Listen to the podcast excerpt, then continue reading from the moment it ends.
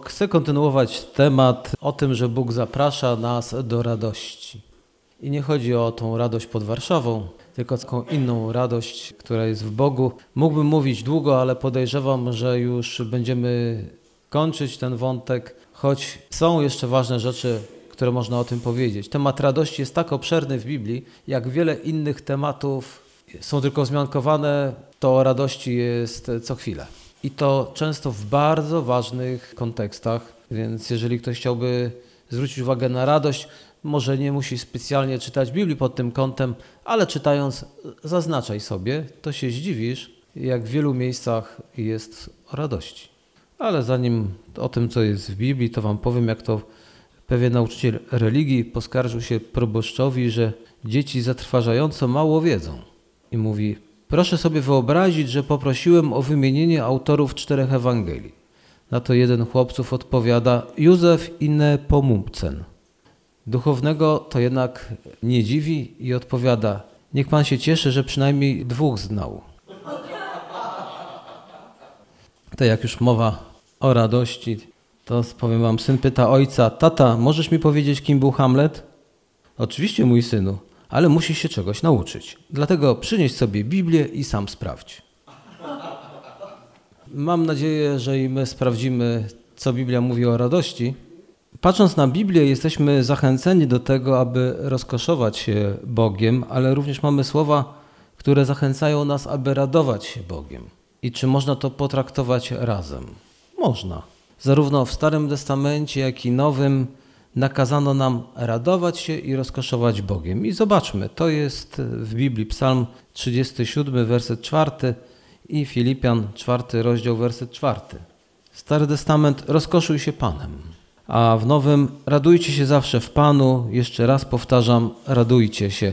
W Starym Testamencie nawrócenie od świata do Boga i do też do życia w pobożności oznaczało odkrycie prawdy, która jest w Psalmie 16, 11 wersecie na przykład wymieniona. Ukaż mi ścieżkę życia, pełnię radości u Ciebie, rozkosze na wieki po Twojej prawicy. Można połączyć? Nawrócenie w Starym Testamencie to jest pragnienie. Ukaż mi ścieżkę życia, pełnię radości, która jest u Boga. Chrześcijanie dzisiaj raczej nie szukają radości u Boga, bo jak powiedziałem już poprzednio, kojarzymy to, że radości to trzeba szukać w pewnych to innych miejscach, ewentualnie w pewnych to programach telewizyjnych i też rzadko się naucza, że radość to nie jest coś wrogie Bogu. Jeżeli chrześcijanin się cieszy, to wcale w ten sposób nie zasmuca Boga. Wręcz odwrotnie. Radosny chrześcijanin ma więcej siły, możliwości i lepiej wielbi Boga. I mamy też pełnię radości u Boga, rozkosze na wieki. W Nowym Testamencie nawrócenie oznaczało odkrycie, że Jezus jest skarbem, tak ogromnym, że towarzyszy temu radość ze znalezienia tego, o czym czytamy Ewangelia Mateusza, 13 rozdział, werset 44. Ten fragment w Biblii, w którym znajdujemy słowa o radości. Królestwo Niebieskie podobne jest do skarbu ukrytego w roli.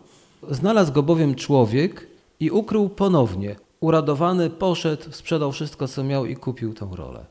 On nie zapłakał z tego powodu. I dzisiaj ludzie, którzy znajdują zbawienie w Jezusie Chrystusie, powinni się radować, bo mają z czego. Przykre jest to, że kiedy ludzie się nawracają, są jakieś środowiska chrześcijańskie, które od razu próbują zgasić w nich tą radość, zaraz ludzi się obarczy różnymi rzeczami. Ale nawet w Biblii, kiedy jest mowa o zakonie, o prawie i nowym życiu w Chrystusie, jest tam mowa, żeby nie obarczać. Dlatego my też musimy zwrócić uwagę, czym nas ktoś obarcza, że radość to zabiera, radość z wybawienia. Więc nasza radość jest tutaj na ziemi i ona wynika z tego, co już otrzymaliśmy, ale również z nadziei, co jeszcze otrzymamy co przygotował nam Bóg. Więc jest to taka radość w nadziei. To nie jest pełnia radości, którą możemy mieć. A mogę powiedzieć, że myślę, że całe wieki, całą wieczność będziemy coraz bardziej się rozradowywać, bo będzie wiele powodów do radości, bo życie z Bogiem będzie zawsze przynosiło nam radość. Zresztą Pan Jezus też o tym mówi. Wejdź do radości. Mówi, sługo, wejdź do radości Pana. Ktoś by powiedział, wejdź I tutaj wstawi wiele innych słów. Chrześcijanie nie wstawiają radości. Wejdź do chwały, wejdź do czegoś tam. Ale tutaj mamy słowa wejdź do radości. Czyli wchodząc do nieba wejdziemy do jeszcze większej radości. Warto zwrócić uwagę, że są pomniejsze też rzeczy, które konkurują z tym, żeby nas odsunąć od radości, która jest w Bogu. Mamy przeróżne pragnienia, to jest taki proces, musimy uważać na to, co konkuruje, bo nas to odciąga. I wtedy zasmucamy Pana Boga i potrzebujemy upamiętania. A w ogóle to każdy z nas ma pragnienia. Więc intensywność naszych pragnień i zadowolenie świadczy o jakości, o wartości tego, do czego przywiązujemy w tym momencie wagę. Jeżeli ktoś z czegoś się bardzo, bardzo cieszy, to znaczy, że stanowi to dla niego wartość, jakąś tam wielką wartość. No bo jeżeli ktoś dzisiaj mówi, chciałem ci podarować takie nowe Volvo, nowy model, a ty mówisz, e, no to nie stanowi to dla ciebie żadnej wartości. A tam nowe Volvo. Nie, tego nie chcę. To pokazuje, więc z czego się dzisiaj cieszysz? To może pokazać, do czego przywiązujesz jakąś wielką wartość. Każdy człowiek powie, że jego pragnieniem jest być szczęśliwym i radosnym, i podejrzewam, że to prawda. Mówię każdy, no mam taką nadzieję, że każdy człowiek chce być szczęśliwy i radosny. Jednak są ludzie, którzy dostrzegają, że pełnia szczęścia i radości jest tylko w Bogu. I to są ludzie, którzy mogą mieć zdecydowanie więcej radości, dlatego i my możemy powiedzieć, że chcemy szczęścia, że chcemy radości, ale ktoś obok nas może nam zaoferować niewłaściwe rozwiązanie, nawet destruktywne. I dlatego w świecie ludzie chcą szczęścia, chcą radości, i zaraz pojawia się diabeł, bo on dobrze wie, że ludzie chcą szczęścia i radości. Tak Pan Bóg nas stworzył, żebyśmy byli szczęśliwi i radośni. Więc nie ma w tym nic złego, że człowiek chce być szczęśliwy i radosny. Ale że chce być szczęśliwy i radosny, powtórzę jeszcze raz, jest ktoś, kto mu podsunie inne rozwiązania. Więc gdzie są chrześcijanie, ci radośni chrześcijanie, ci szczęśliwi chrześcijanie, którzy będą mogli powiedzieć albo pokazać, że jest szczęście i radość w Bogu? Dlatego też często nasze zwiastowanie nie ma takiej mocy, no bo ludzie szukają szczęścia i radości. Oni powinni się dowiedzieć, że szczęście i radość jest w Bogu. I o tym Biblia mówi tak dużo, że można otwierać tylko rozdział po rozdziale i gdzieś znajdywać szczęście i radość. I dlatego walka o radość ma znaczenie, bo świat na swój sposób rozumie dążenie do szczęścia i radości i proponuje. A chrześcijanie, którzy nie niosą tych propozycji, no mówiąc szczerze, nie są atrakcyjni i wcale się nie dziwię, bo jak powiedziałem, każdy człowiek szuka szczęścia i radości. I to nie ja wymyśliłem, ale to w Biblii czytamy i mało tego, Pan Bóg podnosi to polecenie do rangi przykazania. I czytamy Filipian trzeci rozdział, werset pierwszy. Radujcie się w Panu. To nie jest, jak gdybyście chcieli, mogli, jak e, znajdziecie chwilę, albo znajdziecie powód, to jest polecenie. Więc powiedzmy uczciwie, że Bóg jest uwielbiony w nas wtedy, kiedy my w Nim odnajdujemy zadowolenie, szczęście, radość. Gdy doświadczamy tego zadowolenia, a nie tylko o nim myślimy lub śpiewamy. No bo można śpiewać pieśń chrześcijańską o radości. Znajdziemy takie. No ale jak tej radości nie doświadczamy, to jest to taka chwila uniesienia i po wszystkim. Więc trudno wtedy uwielbić Boga. No, pieśnią raczej nie uwielbiamy, wyrażamy raczej pragnienie, marzenie, a może niektórzy nawet śpiewając wcale nie wierzą, że mogliby mieć radość, bo jest tyle powodów do nieradości, ale tak jak powiedziałem, to jest kwestia, co dla ciebie jest takim powodem radości, że przyćmi te nieradości. I być może tak wiele innych rzeczy świat zaoferował, że przyćmił tą radość w Bogu. Więc to, o czym mówię, to mówię o radości w Bogu, o radości Bożej, a nie o radości bez odniesienia do Boga. A kiedy mówię o szczęściu, to mam na myśli szczęście, jakie jest w Bogu, a nie poza Nim. To, co jest teraz, to nie koniec, jak powiedziałem, radości i to nie koniec szczęścia. Każdy z nas jutro może być bardziej szczęśliwy i bardziej radosny.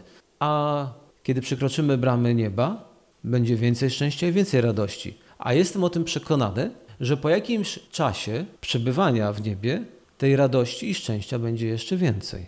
Człowiek jest istotą, która się wciąż, no użyję tego słowa, ale posuwa do przodu.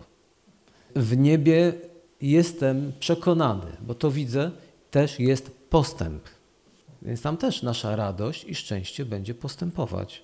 A Paweł, jak to rozumie? Apostoł Paweł, list do Rzymian, 12 rozdział, 12 werset. Radujcie się w nadziei. Co to oznacza? Może jeszcze niektórzy z nas pewnych rzeczy nie widzą, albo inaczej, nie radują się, bo tego nie czują. Ale jeżeli o tym wiesz, że wkraczając w progi nieba, czeka cię wiele radości, tak jak te słowa wejdź sługo do radości Pana mego, chociażby ten werset byłby w Biblii i więcej by nie było, to zobaczcie, że wchodzimy do radości. Jest powód, żeby już się teraz cieszyć. Jest coś takiego, że nie musi być teraz coś, co cię raduje, coś, co się wydarzyło, ale ty się radujesz z powodu tego, co się wydarzy. Jeżeli ja bym wam powiedział, że na następnym nabożeństwie każdy z was dostanie w prezencie to, co pragnie, jestem przekonany, że cały tydzień bylibyście podekscytowani i radośni.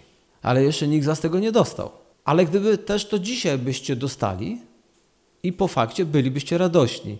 I też, mam nadzieję, bylibyście radośni, kiedy jeszcze tego nie dostaliście, ale wiecie, że dostaniecie. Czy nie tak? Więc jakże to jest ciekawa tajemnica, że można się radować tym, co już było i tym, co będzie. Dlatego Biblia mówi o radości w nadziei, bo jest jeszcze nadzieja na to, co może nas czekać i co nas czeka. A teraz trochę o diable. Diabeł chce zakłamać prawdę. Prawdę o tym, że Bóg jest kochającym Bogiem, dobrym Bogiem i też prawdę o tym, że obdarowuje szczęściem i radością. Dlaczego chce zakłamać? Czemu to jest takie ważne? To jest bardzo ważne, bo nie da się kochać Boga, który jest złym Bogiem, który chce ciebie gnębić, który chce pozbawić cię szczęścia i radości. Kogoś takiego nie będzie ten ktoś kochał. Czy kochalibyście Boga, który chce was gnębić i chce waszego nieszczęścia i jest złym Bogiem? Nie. Wiem, może byśmy się go bali. I prawdopodobnie tak. I dlatego też wielu ludzi boi się Boga. I nawet nie chodzi o taką bojaźń, o którą Biblia mówi, ale to jest po prostu tak się boją Boga, że go nienawidzą, bo jest zły, wygrażają mu pięścią, bo myślą, że Bóg chce ich gnębić i pozbawić szczęścia i radości. Dlatego diabeł ich tak oszukał i wtedy szukają tego szczęścia i radości gdzie indziej, no bo przecież Bóg, Bóg im tego szczęścia i radości nie daje, to jest zły Bóg. I spotkałem się już z tym, że są ludzie, którzy tak postrzegają Boga. Kto więc nawróci się do takiego Boga? Kto będzie kochał takiego Boga? Dlatego być może walka o radość nie jest czymś dziwnym, bo to może warto zauważyć, że od tego zależy czyjeś życie. Osoba, która nie ma upodobania w radowaniu się Chrystusem, nie znajdzie się w niebie. I teraz kilka mocnych słów z Biblii. Pierwszy list do Koryntian, 16 rozdział, 22 werset. Słyszeliście kiedyś kazanie na podstawie tego wersetu? Jeśli ktoś nie miłuje Pana, niech będzie przeklęty. Ale to jest w Biblii. Kto kocha ojca lub matkę bardziej niż mnie, nie jest mnie godzien. I kto kocha syna lub córkę bardziej niż mnie, nie jest mnie godzien. No to jeszcze doczytam. I choć go nie widzieliście, miłujecie, i w niego, choć teraz go nie widzicie, wierzycie, i cieszycie się radością niewysłowioną i pełną chwały. Ale zwróćcie uwagę, jeśli ktoś nie miłuje Pana, niech będzie przeklęty. Jeżeli tak się rzeczy mają, to diabeł zrobi wszystko, żeby ludzie nie miłowali Boga. I dlatego przedstawi go w takim świetle, żeby się nie dało miłować Boga. A więc przedstawi go w takim świetle, że Bóg chce Twojego nieszczęścia, że Bóg wcale nie chce, żebyś się radował. I kto wtedy chce w takiego Boga wierzyć? Niektórzy ze strachu zaczynają słuchać Boga i mówią, są posłuszni. Ale tu jest napisane, kto nie miłuje Pana. W całym nawróceniu nie chodzi, jak to często się tylko głosi, o posłuszeństwo, bo nie ma posłuszeństwa Bogu bez miłości do Boga, nie ma zbawienia bez miłości do Boga. Sam Jezus powiedział, kto kocha kogoś bardziej, nie jest mnie godzien. Dlatego zadałem pytanie, czy kiedyś słyszeliście kazanie o tym, że Pan Bóg mówi, jeżeli mnie nie kochasz i nie kochasz bardziej niż innych, nie ma nieba dla ciebie. Tam nie ma mowy o tym, że musisz przestrzegać jakichś rzeczy, jakichś przykazań. Wszyscy podkreślają, przeważnie wszyscy, że musisz być posłuszny. Jak będziesz posłuszny Bogu, to będziesz zbawiony. Ale trzeba sobie wyraźnie powiedzieć, że posłuszeństwo trzeba połączyć z miłością i widzimy, kto nie miłuje Pana. I mamy odpowiedź. Miłowanie Jezusa, a nie tylko wiara w doktryny, jest cechą prawdziwego dziecka Bożego. Bo to nie ma znaczenia, czy ktoś wierzy prawidłowo we wszystko, ale jeżeli nie miłuje Boga, nie ma zbawienia. I dlatego często będą zbawieni w niebie ci, którzy miłują Boga, i zdziwią się ci, którzy doktrynę przestudiowali dobrze, znają prawidłowo, wierzą prawidłowo, wynoszą się, bo znają języki biblijne, bo on jest kim on jest, taki mądry i on jest posłuszny, bo przestrzega wszystkiego, szabatów, wszystkich nakazów i on ma być w niebie. Gdzie jest to w Biblii? Kto nie miłuje Pana? Jezus odpowiedział coś na ten temat. Ewangelia Jana, 8 rozdział, 42 werset. Gdyby Bóg był waszym ojcem, to i mnie byście miłowali. Prawda, jakie dziwne słowa? Jeżeli ktoś nie miłuje Jezusa, to może i nie ma Boga za swojego ojca. Kochanie Jezusa zawiera w sobie radosne też zachwycenie się Nim. O tym Biblia mówi, że ludzie się zachwycali Bogiem. To właśnie czytaliśmy w psalmach, w Starym Testamencie. Więc nie ma tam tylko tego, że są przykazania, jak to niektórzy widzą Stary Testament pełen jest przykazań, należy je przestrzegać, wtedy jestem wierny Bogu i Bóg za wierność weźmie mnie do nieba. Ale tam czytamy o ludziach, którzy, i to w Starym Testamencie, piszą o radości w Bogu, o zachwyceniu się Bogiem, czyli o doświadczaniu tego Boga. I zobaczcie, porównajcie, co jest Ewangelia Jana, 14 rozdział, 15 werset. Jezus tam powiedział, jeżeli mnie miłujecie, będziecie zachowywać moje przykazania. I wielu ludzi pogubiło się, nie rozumiejąc tego wersetu, bo zrozumieli, że zachowywanie przykazań jest miłowaniem Boga. Ale tutaj Jezus opisywał efekt miłości, a nie jej istotę. Najpierw miłość, potem posłuszeństwo, które jest efektem. Dlatego, że posłuszeństwo nie jest tożsame z miłością. Nie musisz kochać szefa w pracy, żeby wykonywać posłusznie jego polecenia. Ktoś powie, jakże on kocha swojego szefa w pracy, swojego dyrektora, kierownika, prezesa, bo tak posłusznie wykonuje wszystkie jego polecenia. Tak mówią? I dlatego możemy spotkać ludzi, którzy tak posłusznie wykonują Boże polecenia. Są tak w tym dokładni, ale jacy mogą być? Prawo może się okazać, że zabija, bo nie ma w tym ducha, nie ma w tym miłości. On tym prawem tłucze innych wierzących. On ich ciągle osądza, on ich ciągle ocenia. Prawo, prawo, prawo. Czytamy Ewangelia Jana, trzeci rozdział, dziewiętnasty werset. Światło przyszło na świat, lecz ludzie bardziej umiłowali ciemność aniżeli światło, bo złe były ich uczynki. Więc widzimy, że tutaj kwestią zbawienia jest miłość lub nienawiść do światła. Kochasz ciemność, czy kochasz światłość?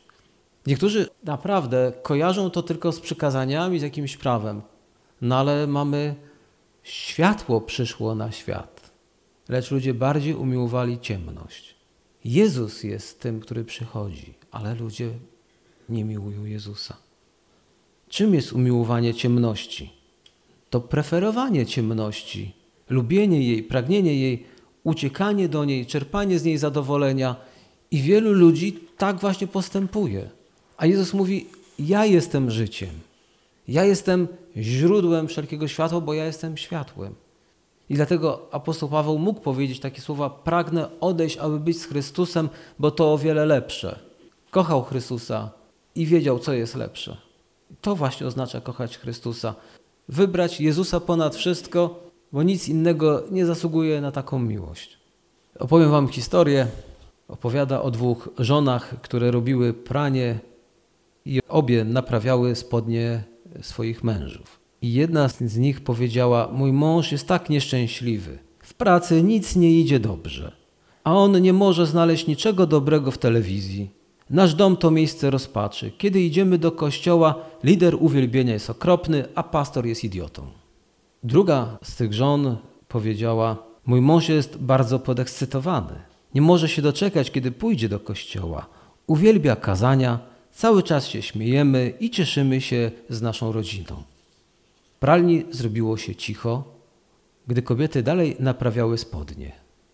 Jedna łatała siedzenie spodni, a druga kolana. Są ludzie, którzy wiedzą, gdzie znajduje się radość i tam czerpią. I dlatego są szczęśliwi, są radości, bo zbawcza wiara obejmuje radość z posiadania relacji z Jezusem ze względu na to, kim On jest.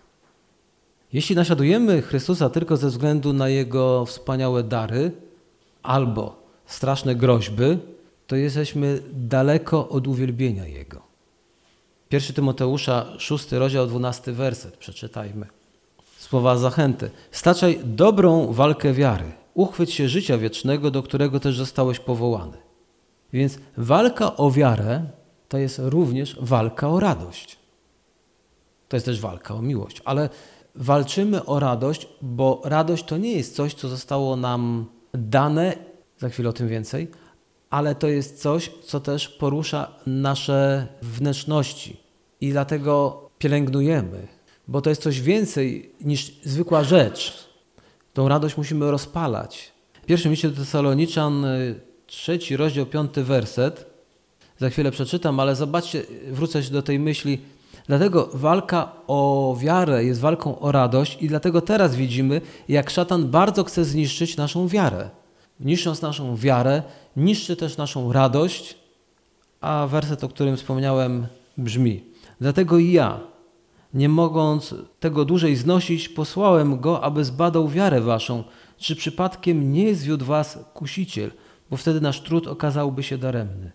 Więc jeśli wiara wraz z radością ma nam towarzyszyć w życiu, musimy o nią walczyć. Widzimy, że apostoł był zainteresowany, bo ktoś może, i wiemy, że kusiciel, zwieść nas. I przestaniemy walczyć o pewne rzeczy, o wiarę i w tym o radość. Tą radość można utracić. Czy Biblia nie mówi o tym? Mówi.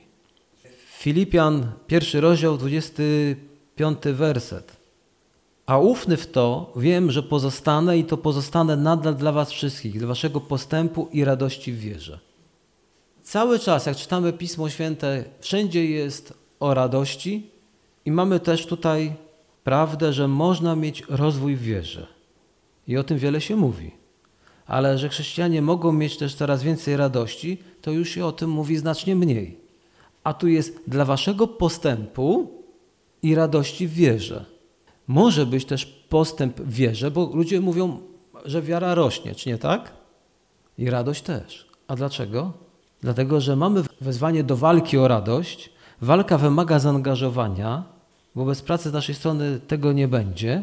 I za chwilę o tym parę słów więcej chodzi o łaskę, a nasze uczynki. Ale zobaczcie, że Biblia mówi, potem jeszcze o tym wspomnę, że radość jest na drzewie wiary, jako owoc. A owoce mają to do tego, że może ich przybywać, że to rośnie. Możesz zjeść teraz coś malutkiego, ale jak poczekasz trochę, ten owoc będzie większy. I dlatego też ta radość, jeśli o nią walczymy, ona będzie większa. Jest więc wezwanie do walki o radość. Walka wymaga naszego zaangażowania, bo bez pracy z naszej strony nie będzie nic, ale czemu mówię z naszej strony? Bóg jest zaangażowany, i teraz druga bardzo ważna prawda. Ta pierwsza, o której wspomniałem, to ta miłość do Boga, jakże jest ważna, jeśli chcemy być zbawieni. Dlatego diabeł jakże uderza w ten punkt. Ale tutaj jest kolejna, żeby zrozumieć coś, co chrześcijanom przysparza jednak pewne problemy, działanie Bożej łaski, a nasz wkład. Więc na tym przykładzie chciałbym o tym powiedzieć. Bóg też jest zaangażowany i okazuje nam łaskę. Więc my walczymy o wiarę, my walczymy o radość i Bóg jest zaangażowany, bo sami byśmy tego nie wypracowali, bo to jest Boży dar. I o tym kilka słów na koniec, to znaczy łaska i nasz wkład. Wiele rzeczy, w tym radość, nie jest naszą zasługą. I pozwólcie, że to wyjaśnię. Radość pozostaje darem, nawet jeśli sami jesteśmy zaangażowani w walkę o nią. Więc zobaczmy, że łaska i nasz wkład nie kolidują ze sobą. Tego właśnie Bóg od nas oczekuje. W pierwszym liście do Koryntian, 15 rozdział, 10 werset czytamy. Lecz za łaską Boga jestem tym, czym jestem, A dana mi łaska Jego nie okazała się daremna. Przeciwnie, pracowałem więcej od nich wszystkich. Nie ja, co prawda, lecz łaska Boża ze mną. Ten werset jest odpowiedzią na wiele pytań chrześcijan o tym, jak pogodzić łaskę z naszym zaangażowaniem. Więc widzimy, apostoł Paweł ciężko pracował. Nie powiedział, że łaska Boża uczyniła jego pracę niepotrzebną. Przyszła Boża łaska, wszystko załatwiła, ja nie muszę nic robić. Powiedział, że łaska Boża umożliwiła mu pracę. Więc pracował, ale to nie ja, ale łaska Boża we mnie.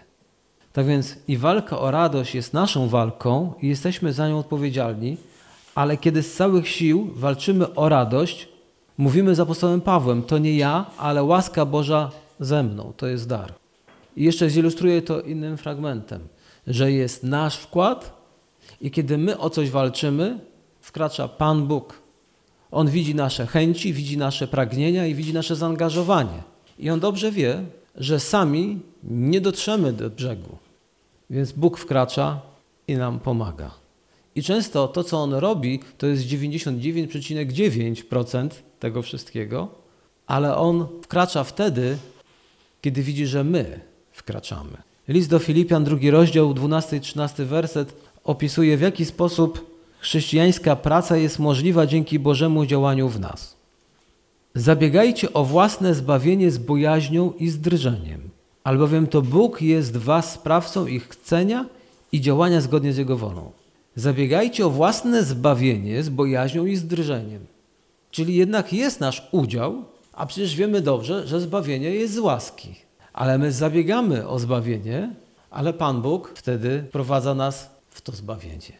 Boże dzieło w nas nie eliminuje naszej pracy, ale ją umożliwia. Dlatego ludzie, którzy nie są zaangażowani w coś, jeżeli coś dostaną, to tym bardziej powinni być wdzięczni Bogu i to przez następne dwa, trzy dni leżeć plackiem i tylko z wdzięczności wyśpiewywać hymny i pieśni. Ale Pan Bóg zaprasza nas do współdziałania.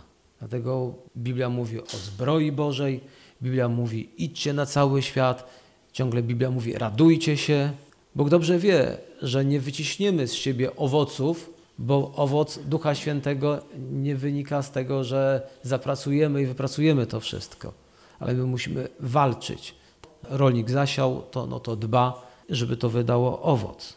I chciałbym dokończyć, bo tak jak powiedziałem, radość jest owocem ducha, który rośnie na drzewie wiary, to jest tam Galacjan 5:22, ale nie jest to wypłata, którą Bóg uiszcza za naszą pracę i musi nam wynagrodzić albo za naszą walkę.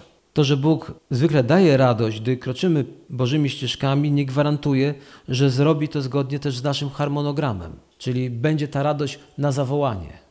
To jest kolejna rzecz, przy okazji wspomnę. Nie, bardzo często nie będzie na zawołanie. Podobnie jak rolnicy. Rolnicy są wyśmienitym przykładem wielu prawd biblijnych. I teraz również rolnicy będą dobrą ilustracją, bo podobnie jak oni, kiedy orzą pole, sieją ziarno, wycinają chwasty i nie wiem, stawiają te takie odstraszacze na polach, żeby im tam coś nie wydziobało, oni w ten sposób nie powodują wzrostu plonów. Bóg to robi, bo Bóg zsyła deszcz. Bo Bóg doprowadza do tego, że te nasionko, ono powstaje do życia. Człowiek sam z siebie tego nie zrobi. I bywa, że ziemia rolnikowi nie przynosi plonu wtedy, kiedy on chce, bo on może chciał, a tu przyszła powódź, albo susza, albo grad. Ale rolnik robi, prawda? On wkłada wysiłek i pracuje, on walczy o, o to. Dlatego też i my walczymy, my walczymy też o radość. Nie będzie ona zawsze na zawołanie, bo musimy się nauczyć czekać na Pana. Król Dawid, Psalm 40, też się tego uczył. Z utęsknieniem czekałem na Pana i On skłonił się ku mnie i wysłuchał mojego wołania. Wyciągnął mnie z przepaści zagłady, wyprowadził z grząskiego błota i postawił moje nogi na skalę. Zagwarantował mi pewny krok. Włożył w moje usta pieśń, nową pieśń pochwalną dla naszego Boga. O Dawidzie czytamy, że był według Bożego Serca, a tu czytamy, że był w grząskim błocie, że był w przypaści zagłady, gdzie nie było wtedy jakiejś pewnie pieśni pochwalnej, może i radosnej, była raczej prośba. Jak długo tam był? No tego ja się tu z tego psalmu nie dowiaduję, ale nie przychodził Pan Bóg, żeby go wyrwać w tym momencie z tej sytuacji. Więc on wiernie czekał. Czekał tak jak często rolnicy wiernie czekają na plon. Aż Pan przyszedł, postawił stopy Dawida na skalę i włożył w jego usta nową pieśń. Więc Biblia zachęca nas do wytrwałej walki, do wytrwałości, więc walczmy o radość i walczmy o wiarę. Amen.